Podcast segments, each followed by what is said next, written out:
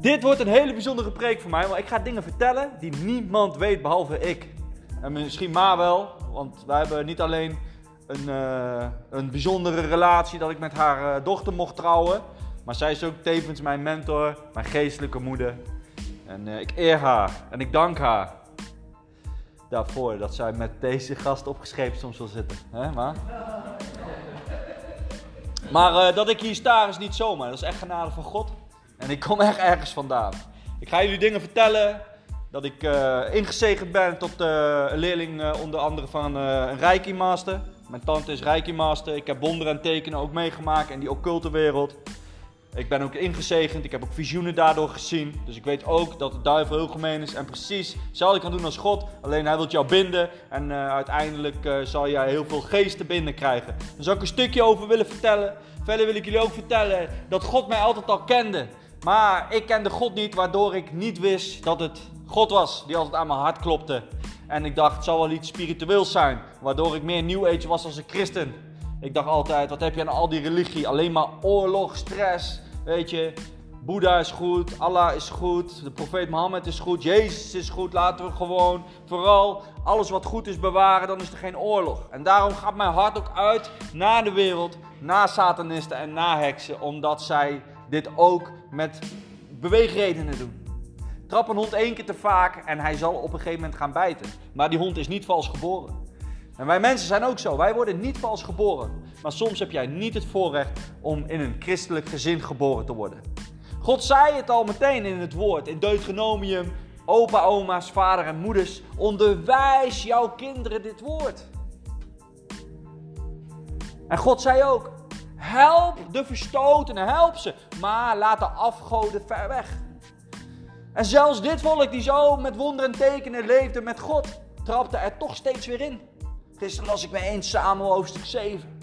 En dan zie je dat er een diepe bekering moet komen, een diep zondebesef. En halleluja, dat mocht ik ervaren.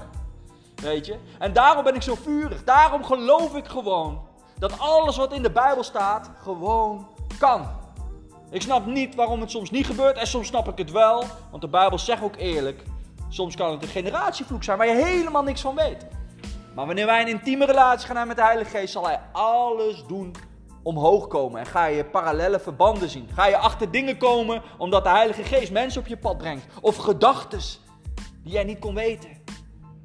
Weet je, relatie met God, dat is de bron waardoor wij demonen kunnen uitdrijven. Waardoor wij de hand op de zieken kunnen leggen en zij zullen bevrijden en genezen worden. Maar ook de doden zullen opstaan. Hebben wij daar geloof voor?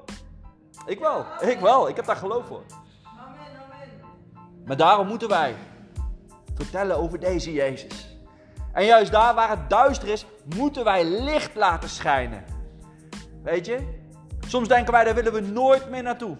Dat dacht ik ook in de kickboxwereld. God had me eruit gehaald. En ineens zegt God, je gaat er weer in. En Ma weet het van. Ik kon niet geloven dat het God was. Ik dacht, word ik nou gek? Ik heb om tekenen gevraagd. Nou ja, we weten allemaal. Hè, onder andere met Robbie Hageman, wat echt een heel bijzondere vriendschap nu ook is tussen mij en hem. Maar dat was echt een bevestiging ook van God. Eigenlijk vertel ik nu heel veel. En nu wil ik met jullie eigenlijk in het begin gaan. Ik kom uit een ongelovig gezin. Ik kom uit een lief gezin. Dat zeker. Ik kom uit een lieve gezin. Ik heb een lieve moeder en een hele lieve vader. Maar mijn vader komt ook uit een, uh, ja, toch wel een stroef gezin met veel broers. Ouders een eigen uh, bedrijf, waardoor hij weinig liefde kreeg. En mijn moeder, die kwam uit een gezin waar haar vader niet eens durfde te zeggen dat hij Joods was. Maar die wel Joods was. Uiteindelijk heeft mijn opa ook zelfmoord gedaan. Een broer van mijn opa heeft zelfmoord gedaan. Een andere broer is heel jong al overleden. Mijn overgrootvader, de vader van mijn opa, die is gestorven in een gekkenhuis. Omdat hij een Jood was. Verschrikkelijke dingen. Dus kon ik mijn opa het kwalijk nemen dat hij dacht dat God gewoon een vieze klootzak was? Nee, kon ik hem niet kwalijk nemen door zijn ervaringen. Kon ik mijn moeder daarom kwalijk nemen dat zij niet kon geloven dat er een God was? Misschien wist ze dat wel, maar het was haar nooit geleerd, dus zij kon mij dat ook niet leren. Ik kom echt uit een, uit een gezin waar mijn moeder heel veel liefde aan me gaf en steeds wilde dat ik dingen ging bereiken. Ik had een behoorlijke last daardoor ook. Niet dat ze dat expres deden, maar ik voelde altijd, de wereld is zo zwaar. Weet je wel? Er wordt zoveel van mij verwacht. Niet alleen van mijn ouders, niet alleen van mijn vrienden.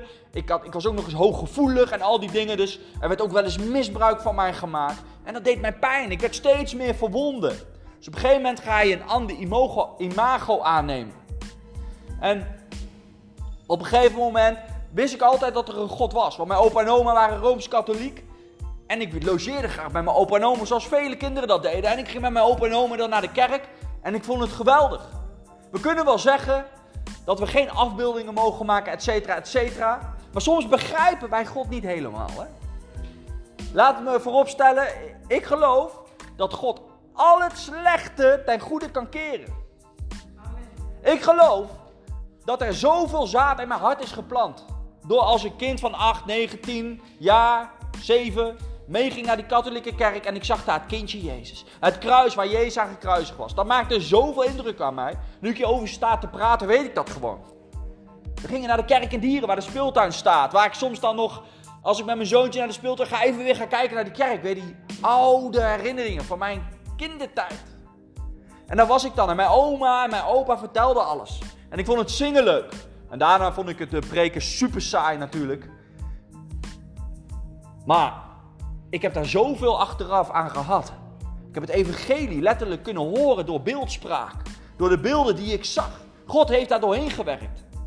Ik werd ouder en ik kan me herinneren, sowieso vanaf mijn negende jaar, zonder dat ik geloof ben opgevoed, dat ik elke avond als ik ging slapen, zei ik dit, Heer mag ik lekker slapen en iedereen die u wilt, dan vraag ik u om Jezus wil, amen. Nu weet ik dat dat bijzonder is. Achteraf heeft God mij dat laten zien. Als ik moeilijke dingen ging doen, ging trainen of een wedstrijd had, dan ging ik bidden. Zei ik, Heer, mag mijn techniek goed zijn, mag mijn conditie goed zijn en mag mij niks overkomen. Gewoon heel simpel. Maar ik zocht altijd eigenlijk God op, zonder dat ik het door had. Het werd niet echt relatie, het was meer een ritueel. Maar wel vanuit een hart die het nodig had. Die altijd aan God dacht als hij het moeilijk had. Achteraf heel bijzonder, want ik kende God helemaal niet. Op een gegeven moment, en nog steeds een goede vriend van mij, en uh, Caroline en ik hebben hem gedoopt laatst. Benjamin was daarbij, Jeremy. Zijn moeder vertelde mij op een dag, ik zat in groep 7 denk ik, of misschien nog in groep 6. Nee, groep 7 ja. Groep 7. En zij komt naar mij en Jeremy toe, mijn vriend. En we zitten op de Sega Tasmania te spelen. Ik weet het nog. En ze had eigenlijk dood moeten zijn, want ze had een hartoperatie. En daar overheen kreeg ze griep en de arts had haar opgegeven. En daar was Jeremy helemaal kapot van natuurlijk, dus dat wist ik. Maar ja, ze is natuurlijk niet doodgegaan, want ze was daar en ze vertelde mij op dat moment: Edward, ik wil je wat geven. En dat was de Bijbel. Ik heb me een Bijbel van haar. En ik vond dat mooi. Dus ik pakte die Bijbel aan. En Pia heette zij. Zij vertelde: Edward, ik had hier niet meer kunnen staan. Ik had dood moeten zijn. Ja, en die dingen had ik wel tussen neus en lippen gehoord. Maar je bent jong. Hoe oud was je daar? Negen jaar of zo. Dus ik dacht, ja, hè, op de Sega, oh, oh, oh. Je denkt meer van, stoor me nou niet. Maar ja, respect hè, moeder van Jeremy. Lieve vrouw, geef me snoep. Dus, uh, oh, oh ja, Sega spelen. En ze zegt, Edward, ik had een hartoperatie gekregen. Ik kreeg daar griep overheen. De arts hadden mij opgegeven, maar mijn man heeft opwekking in mijn oren gedaan. Ik denk, wat is opwekking dan? Maar goed, oh ja, oké, oh, oh, oh, doorgamen. En toen zegt ze tegen mij, Edward, ik laat me dopen denk, wat is dat dan alweer? Dus ik zeg, oké, ja, goed. Ik ga Jezus aannemen. Ik ga Jezus helemaal volgen. Hij heeft mij gered. En nu pas, sinds ik tot geloof kom, maakt dat hele diepe indruk op mij. Op dat moment niet. Ik had een kinderlijk geloof. Het is de moeder van mijn, van mijn, van mijn vriend. Die zegt dat, dus dat is waar. Ik geloof dat gewoon. Klaar, dankjewel voor die Bijbel. Ik ben die Bijbel gaan lezen. En achteraf mijn ouders gingen scheiden en ik ging helemaal van het padje af. Ik ging blowen, ik ging drinken, ik ging alleen maar stappen om mijn verdriet weg te wissen door uh, ja, vrouwenjacht te gaan en die dingen. En op een gegeven moment zei Pia tegen mij altijd: Edward, kom toch het weekend hier slapen, kom elke avond bij mij eten. Ja, en dat deed ik, want het was niet fijn bij mij thuis. Alleen maar verdriet, nare sfeer. Ik had veel ruzie met mijn vader op dat moment ook. We lagen echt veel in de clinch samen. En het was zo bijzonder. En ik dacht echt bij mezelf op dat moment: je bent veel te lief En als ik zie, want dat deed ze bij meer vrienden van Jeremy zo helpen, die ook echt misbruik van haar maakten, dacht ik, ja, spoor je wel, weet je wel. Gewoon maar even plat te zeggen. Laat niet zoveel misbruik van je maken. En op een gegeven moment, ik werkte in de zorg en het ging niet meer goed met Pia. Uh, ze had kanker, ze had tumor. Haar tanden vielen eruit. Allemaal hele gekke dingen. Haar gedrag veranderde ook. Kon ook best uh, heel, heel gek doen. Ik kende haar niet meer. Maar ik ging wel af en toe met haar mee naar het ziekenhuis. En uh, ja, op een gegeven moment is ze in een hospice beland. Is ze overleden, vrij jong. En ze wilde ook per se op haar begrafenis als een dienst van de kerk hebben. En daar ben ik ook heen gegaan, zonder dat ik nog gelovig was. En Pia was een bijzondere vrouw. En daar is het eigenlijk allemaal begonnen. Maar ik had het geen eens door. Want God heeft de mensen vrij wil gegeven, mij ook.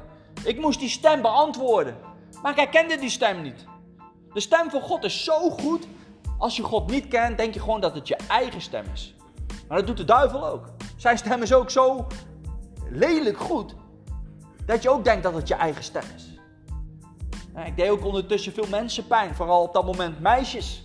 Want ik ging alleen maar scoren en ik, ik, ik, ik ben er helemaal niet meer trots op. Toen was ik daar trots op. Mijn vrienden deden dat ook. Werd bijna een wedstrijd. Ik heb daar heel veel spijt van. En dan helemaal met alcohol. Ik dronk me zo klem dat ik soms dingen niet meer kon herinneren. En als ze dat zeiden, lachte ik er ook nog om. En daar heb ik echt spijt van. Dat verdienen mensen niet. Maar ik was een gebroken mens. En als je gebroken bent, dan kan je geen liefde geven. Dan geef je verknipte liefde. Dan geef je de liefde die de wereld jou leert. En dat is niet goed. Maar dat wist ik niet. Op een gegeven moment kreeg ik het heel zwaar. Ik werkte alleen nog maar en eh, het begon al zo dat ik op een gegeven moment in de zorg werkte en dacht: is dit nu mijn leven? Hoewel ik het werk heel leuk vond. Ik weet het nog, ik werkte daar net. Ik liep met de car, s'avonds later dienst met allemaal zakken was om weg te doen. En ik was gewoon fluiten, want ik vond echt leuk werk wat ik deed, mensen helpen. En ik was aan lopen en uit het niets. En nu weet ik dat het God al was. Ik, kreeg, ik werd overvallen met een gedachte. En dat zei ik ook letterlijk zag. Niemand was meer. Ik had alle oudere mensen. Ik werkte op een gesloten afdeling met uh, gedragsproblematiek. Heel uitdagend werk. Je maakt ook van alles mee. Het was echt mooi werk. Maar uit het niets. Ik stond daar alleen in de gang. Ik stopte en ik, ik, ik weet nu dat het God was. En ik hoorde gewoon iets in mijn hart. Een vraag. Ga ik dit nou mijn hele leven doen? Het was echt de beroep in de wereld wat mijn beroep was, wat, wat echt bij mij paste. Maar toch wist ik, dit past niet bij mij. Er is meer. Uiteindelijk kreeg ik een hielspoor. En ik wist, mijn tante, want dat deed ik wel eens als ik daar was. Dan gingen we tarotkaarten leggen, gingen we allemaal gekke dingen doen. Want zij was een witte heks, noemde ze zichzelf. En het was ook nog eens mijn tweede moeder. Eh, ik hou heel veel van haar, ze was er altijd voor mij. Ik, ja, ik kom echt uit de wereld, dus ik wist niet dat het slecht was. Ik ging samen met haar blowen. Ik ging bij haar logeren. Ja, was echt een. Maar zij was ook niet beter. Ze was echt. Maar ze gaf echt om mij. En ze was heel lief. Ik logeerde daar graag. was gewoon uh, echt fijn. En op een gegeven moment had ik hielspoor. En ik zeg ja. Tante, ik uh, moet doorgaan met werken. Ik heb slecht nieuws. Ik, ik, want ik wist niet dat ik hielspoor had. Hielspoor is dus dat je echt zo'n pijn hebt aan je hak. Dat je er geen eens meer op kan staan. Als je in de zorg werkt, dan moet je heel veel lopen en staan. En ik ging kapot. En ik heb een hoge pijngrens hoor. Maar ik ging gewoon door met trainen, met werken. Maar op een gegeven moment kon er niet meer op staan. Ik had zo'n pijn. Dus ik dacht, ik ga maar naar de dokter, want uh, weet ik veel wat het is. Maar dan kreeg ik een afschuwelijk nieuws te horen. Dat was dat de dokter zei, hielspoor kan zomaar een half jaar duren. Ik kan jou niet vertellen, want je hebt hielspoor, hoe lang dat duurt. En ik had zo'n close relatie met mijn tante dat ik haar elke dag belde. Dus op dat moment, ik bel haar op, ze vraagt hoe gaat het. Ik zeg, gaat niet goed. Ik heb hielspoor. En mijn tante zegt, oh kom maar hierheen, haal ik zo voor je weg. Ik zeg, hoe dan? Ja, ik, eh, je weet toch dat ik Reiki doe. Ik, uh, en zoals in die kleine, er zitten ook allemaal leerlingen. Ze was echt uh, de Reiki-master. Ze zegt tegen mij, ik haal het wel weg met Reiki. Dus ik denk gewoon, halleluja, ik vertrouw haar, ik hou van haar. Ze, ze is ook een goed mens. Ik ga daar naartoe. Ik ga daar naartoe. En uh, het was weg. Gewoon, ongelooflijk. Ik, ging, ik, ik liep al een maand met pijn. Ik kon niet meer normaal lopen. En ik was daar en ze deed bestraling, weet ik veel wat ze allemaal deed. En het was weg. En toen zei zij iets tegen mij. Ze zegt, Edward, en dat zei ze al mijn hele leven. Edward, jij bent ook heel spiritueel. En mijn moeder beaamde dat ook. Mijn moeder had ook soms, hè, en nog steeds aan eens, dat ze geesten ziet. Serieus. Mijn moeder, Eh, wow. En eh, op een gegeven moment zegt mijn tante Edward, wil jij ook niet iets, iets hierin doen? Ik kan jou onderwijzen hierin, ik kan jou dit leren, dit is ook voor jou. En ze leerden me allemaal getallen en gekke spreuken en eh, noem maar op. En op een gegeven moment zei ze, ik ga je nou dan inwijden. Ik zei, ja, is goed. Dus ik liet mij inwijden. Op dat moment zag ik mijn tante de gezicht als, als die van Jezus in een visioen die naar mij lachte. Als een soort verlicht persoon. En ik, ik vond het natuurlijk op dat moment mooi. Ik zeg, wow, wat ik nu zie. En ze zegt, ja, dat zien al mijn leerlingen. Omdat je nu bij mij hoort. Ik ben jouw lerares hierin. En dat klinkt nog niet eng. Nu, nu denk ik, wow, wat freaky. Maar mijn tante kan hier ook niks aan doen. Op een gegeven moment werd het steeds erger. Ik ging echt, ik ging echt trippen. Ik, ik werd erg gepest. Ik ging echt freaky dingen meemaken. Ik maakte af en toe al wel eens freaky dingen mee. Omdat ik altijd al spiritueel was. Maar het was meer een generatievloek. Vooral van mijn moeder de kant. Mijn moeder had daar ook last van. En uh, op een gegeven moment kreeg ik een burn-out. Ik, ik, had zo last van paniekaanvallen. Ik kon niet meer slapen. Ik zweette. Angstaanvallen was niet meer normaal. En ik maar doorgaan met die, uh, met die reiki om in de rust te komen, te verlichten. Om, uh, gek, allemaal gekke dingen. Op een gegeven moment mindfulness, al die dingen die erbij horen, weet je wel. Gewoon gestoord gewoon, als je er niet over nadenkt. Zelfs toen ik het deed, dacht ik, ja, dit is wel heel zweverig. Zou vast goed zijn. en op een gegeven moment, ik ga liggen op bed. Helemaal uitgeblust. Ik zag het leven niet meer zitten. Ik was echt uh, altijd nog aan bidden tot God, hè. En uh, op een gegeven moment, ik ga slapen. En toen gebeurde er iets, ik nooit meer vergeten. Het was echt eng. Ik ga slapen. Het was ongeveer vijf uur s ochtends. En ik uh, treed uit mijn lichaam zonder dat ik dat wist. Ik ging uit mijn lichaam, ik ging naar de wc. Ik zat op de wc, maar het was een andere dimensie. Het was, de, de, de ik denk echt, de geestelijke dimensie. Ik trad uit mijn lichaam, ik ga op de wc zitten en mijn buurvrouw vraagt. Want ik woon in een appartement, ook oude mensen. Kan je zo mijn was uh, doen? Ik denk, wat gek. Ga weg joh, dat ga ik niet doen. Weet je wel, het is vroeg. Ik ga gewoon uh, even, even, plassen en ik ga weer naar bed. Ik weet dat nog, dat dacht ik. Dus ik ga zitten, ik ga, ik ga mijn ding doen. Op het moment dat ik op wil staan om naar, om, naar mijn, om naar mijn bed weer terug te lopen, hoor ik voeten in de huiskamer. Tik, tik, tik, tik. Ik wist meteen, dit is, dit is, dit is, dit is geest. Ik, uh, ja, je weet, uh, ik, toen zat ik echt nog veel op kickboksen. En ik heb twee kanten. Ik kan zo lopen naar mijn huis, uh, naar mijn slaapkamer, of ik kan omlopen door de keukenblok. Ik denk, ja, ik loop niet zo. Straks staat hij om de hoek. Ik ga om die keukenblok. En ik sta in mijn vechthouding. En ik, ik loop daarheen. Ik denk, ja, weet je. En ineens zie ik twee oude vrouwenbenen. Tik, tik, tik, En ik word letterlijk zo. En ik word teruggezogen in mijn lichaam. Bam. En ik zit ineens erop. Ik denk, wow. Dat was heel eng. Ik krijg nou weer kippenvel. Dat was heel eng. Ik kon niet meer slapen. Was nog donker, was in de winter. Was nog hartstikke donker. Ik alle lampen aangedaan. Ik was heel erg bang. En ik wist van wie die benen waren. Ik dacht zo, die benen lijken op mevrouw H. Uh, ik, ik, noem even geen naam, want ik kom op de podcast en zo. En ik wist die mevrouw is overleden. Daarvoor heb ik altijd gezorgd. Ik wist het. Die middag word ik gebeld door een collega, want ik zit in de ziektewet. Edward, je moet komen, want mevrouw H is overleden. Wow, die heb ik dus eventjes gezien, de benen. Die door mijn huis liep. Ik ga daarheen. Gewoon, en het voelt helemaal niet meer goed. Ik krijg weer paniekaanvallen, zweten. Ik word heel angstig. Uh, gaat helemaal niet goed met mij.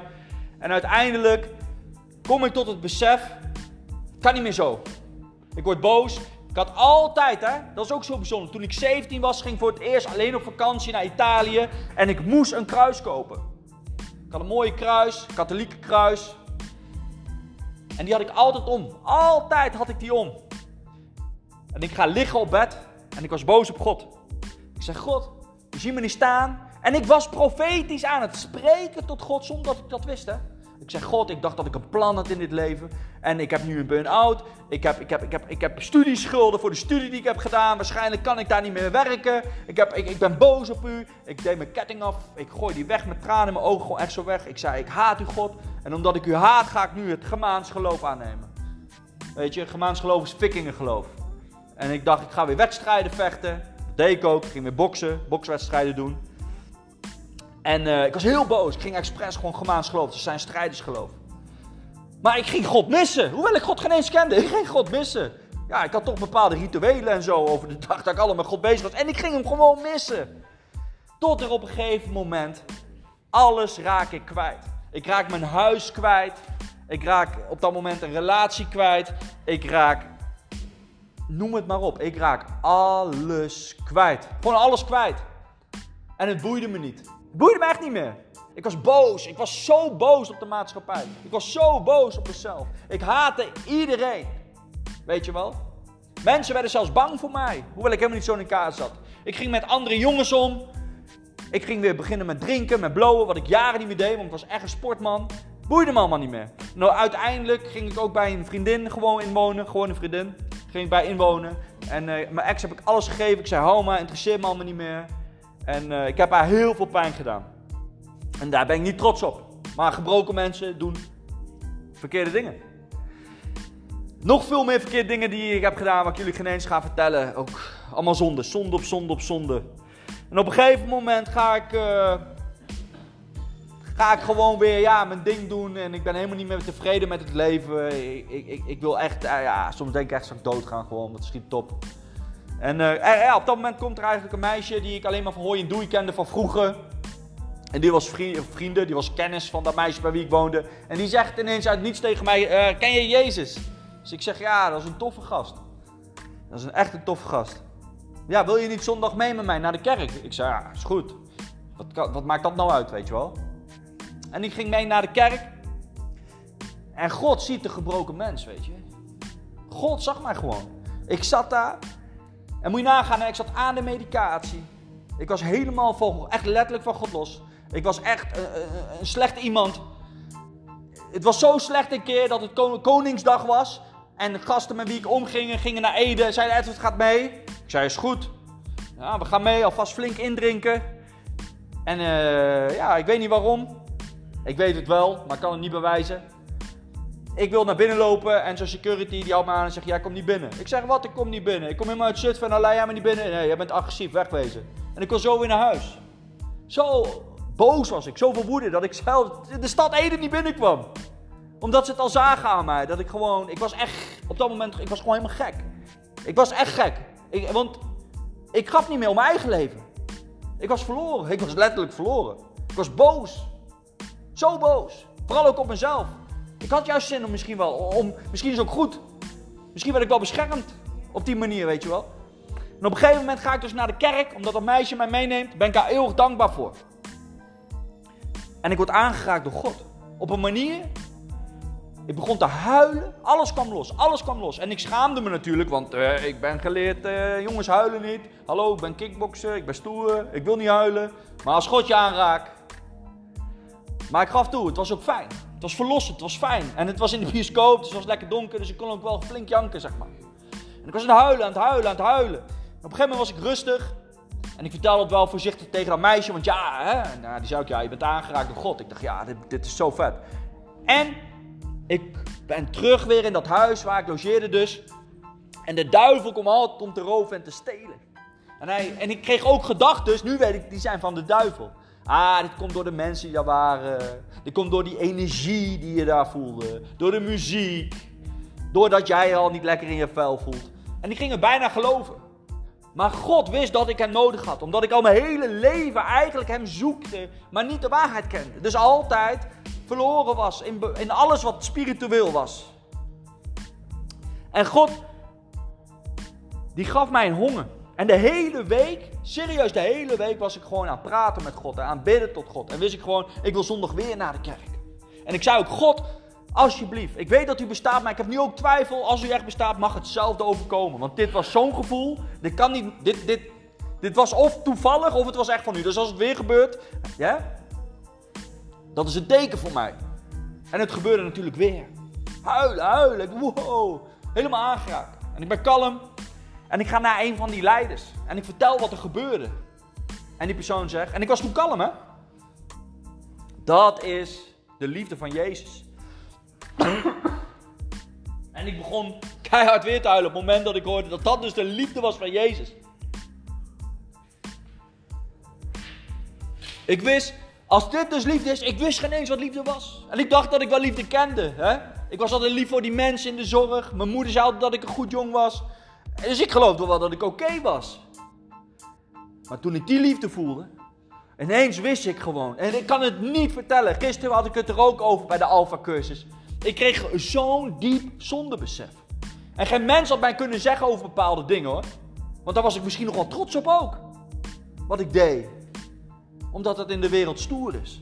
Maar ineens er zo'n zonde besef op mij dat ik wist, wow, ik wil het niet meer, ik wil het niet meer. Ik, ik, ik, ik, ik zei gewoon dingen die ik later in de Bijbel teruglas. Het was de Heilige Geest op dat moment die door me heen aan het stromen was. Ik zei, Heer, vergeef me, ik wil voor u gaan, ik wil u dienen. Heer, maak mij tot een dienstknecht voor u. Weet ik wel wat ik allemaal zo aan het bidden was en aan het, aan het, aan het, aan het profiteren eigenlijk was over mezelf.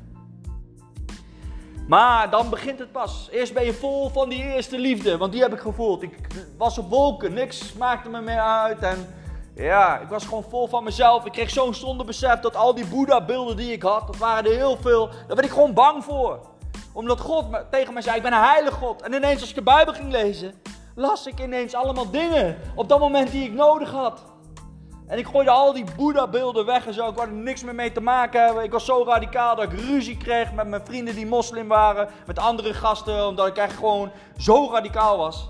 Wat natuurlijk ook niet wijs is. Maar dat, dat, soms doe je dingen die niet wijs zijn als je zo verliefd bent. Hè? Het moet even zakken. Je moet even wortelen. Je moet even weten, oké, ik leef ook nog hier op aarde. En ineens zag ik alles wat geestelijk was en ik snapte ineens, wow, dat is, dat, dat is helemaal niet goed. Dat is bij de duister en dat is wel goed. Ik zag echt dingen Noem het maar op.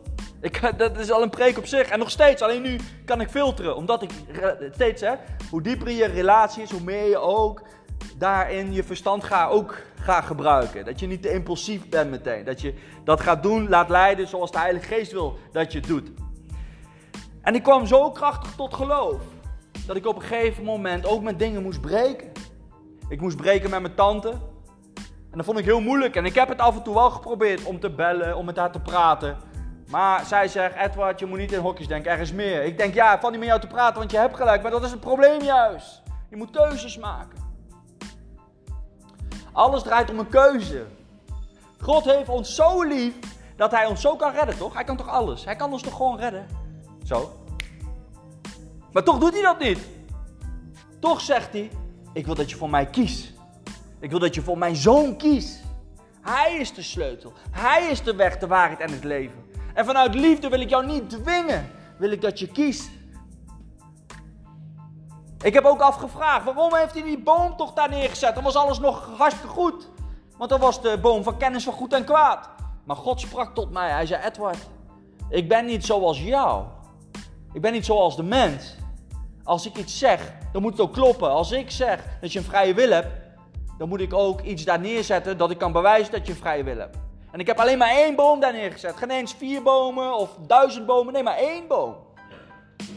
Vanwege dat ik je een keus moest geven. De mens, Adam en Eva. En toch deden ze het niet. En wij hebben allemaal een keus. En als wij voor Jezus gaan, dan is jouw ziel gered, ja. Maar, wil je leven met een missie hier op aarde? Of wil je zijn zoals de rijke jongeling? Die misschien wel gered was omdat hij alles goed deed. Maar als hij daadwerkelijk de godsman wilde zijn zoals hij bedoeld was, dan moest hij alles achterlaten. En dat, wordt ook, dat werd op dat moment ook van mij gevraagd. Ik moest ineens stoppen met vechtsport. Dat deed ik. En dat was als vaste voor mij. En daarom, wat ik zei, toen ik weer terugkwam in die vechtsport, was dat, huh, waarom? Maar God heeft mij daar zo in veranderd, kan ik zeggen als ik aan het kickboxles aan het geven ben, ik hoef geen eens per se mee te doen. Of het interesseert me niet. Als ik in één keer daarmee moet kappen, kap ik er ook mee. Dat weten ook de sportschoolhouders. Die weten allemaal dat ik in Jezus geloof. Weten allemaal dat Hij op de eerste plek staat. En ik kan daar nu gewoon bewegen. Om die jongens van de straat af te houden. Om ze over God te vertellen. Om ze te laten zien dat er iemand is die om hem geeft. Want ik geef om die jongens.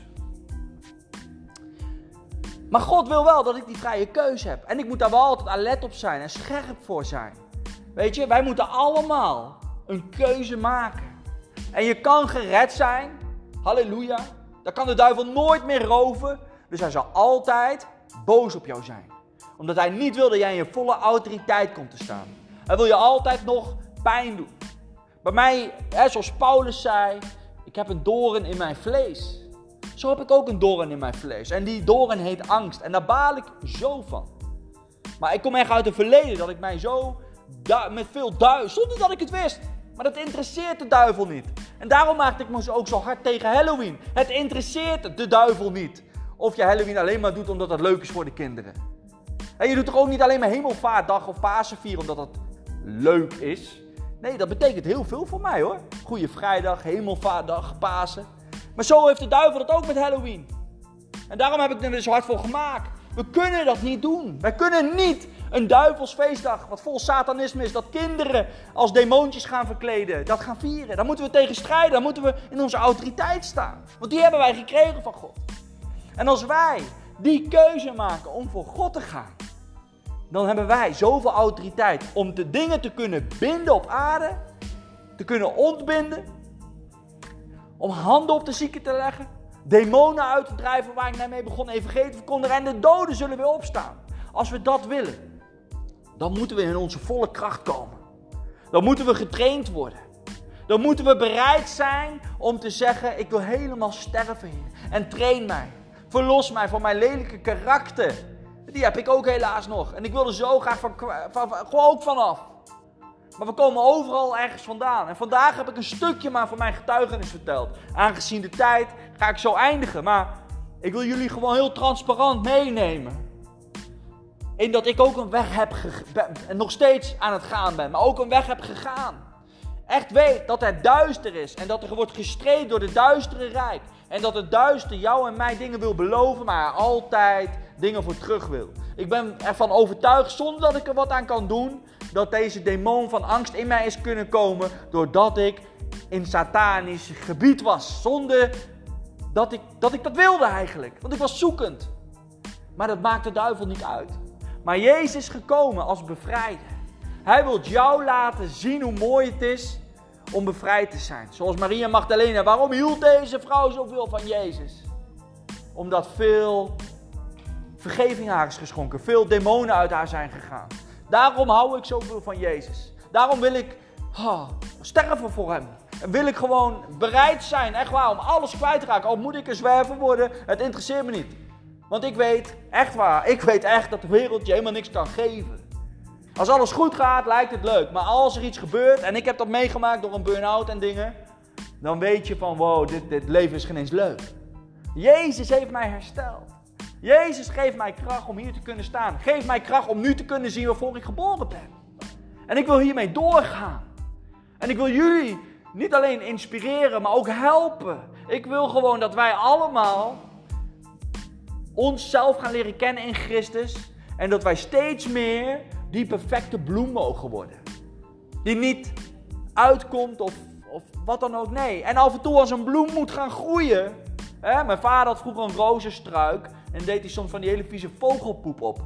Maar waarom deed hij dat? Omdat daar goede voedingsstoffen in zitten. Maar soms werkt dat ook zo bij ons. Soms gooit God gewoon poep op ons. En denken, wat is dit? Ja, maar dan zegt hij, dit heb je nodig om te groeien. Je moet hier doorheen.